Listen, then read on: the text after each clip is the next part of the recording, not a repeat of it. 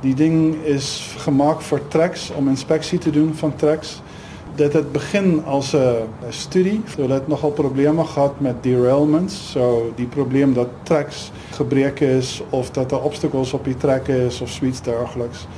So uh, het 'n oplossing gesoek vir dit. Ons het 'n studie gedoen en een van die voorstelle wat uit ons studie uitgekom het was hierdie voertuig wat basically voor 'n lokomotief uitry en waarsku vir die lokomotief dat daar 'n obstakel jy moet nou begin breek. Die probleem met 'n groot goedere trein is dat sy stopafstand is verskriklik lank. As die drywer sê slaan die brieke, dan vat dit tot 2 of 3 km voordat die ding uiteindelik staan. En die drywer kan nie 3 km voor hom uit kyk nie. Ja. So dis die probleem. Watter soort kragbron gebruik sit? OK. Op hierdie stadium gebruik ons 'n uh, 'n scooter engine, glo dit of nie. So hy het redelik baie krag. Die idee om nou 'n scooter engine te gebruik was meestal omdat ons maklik petrol kan ingooi, hy kan dit maklik hanteer.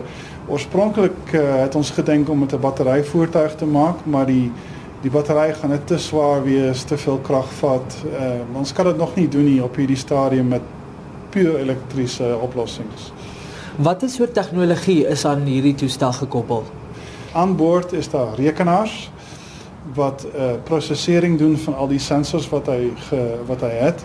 So uh, hy gebruik kameras om te kyk voor hom uit of daar obstacles is op die tracks en hy probeer visuele prosesering doen om op te tel of dit 'n obstacle is of wat gaan aan. So hy doen op hierdie stadium uh, herkenning van of dit mense is of diere of iets uh, ander trein. Dan is daar laserskandeerders wat ook dieselfde werk doen, maar beter hoeveelheid inligting gee as net visueel. En al die goed word saam verwerk in die rekenaar. Die rekenaar besluit dan of daar 'n probleem is of nie 'n probleem is nie en dan word via kommunikasie of die lokomotief gewaarsku of central dit hang af van die applikasie wat ons doen. Hoeveel van hulle is daar? Op hierdie stadium is dit net hierdie een, dis 'n prototipe. Ons uh, is besig met kommersialiseringsplanne om hierdie ding na verder te vat. So dit is nog 'n bietjie vroeg op hierdie stadium en ons is nog besig om die tegnologie te te bewys. Is daar hierdie tipe tegnologie in die buiteland? Ons is nie bewus van enigiets huidigelik wat wat ronddry wat dieselfde tipe job doen. En jy kry baie baie duur oplossings vir inspeksie.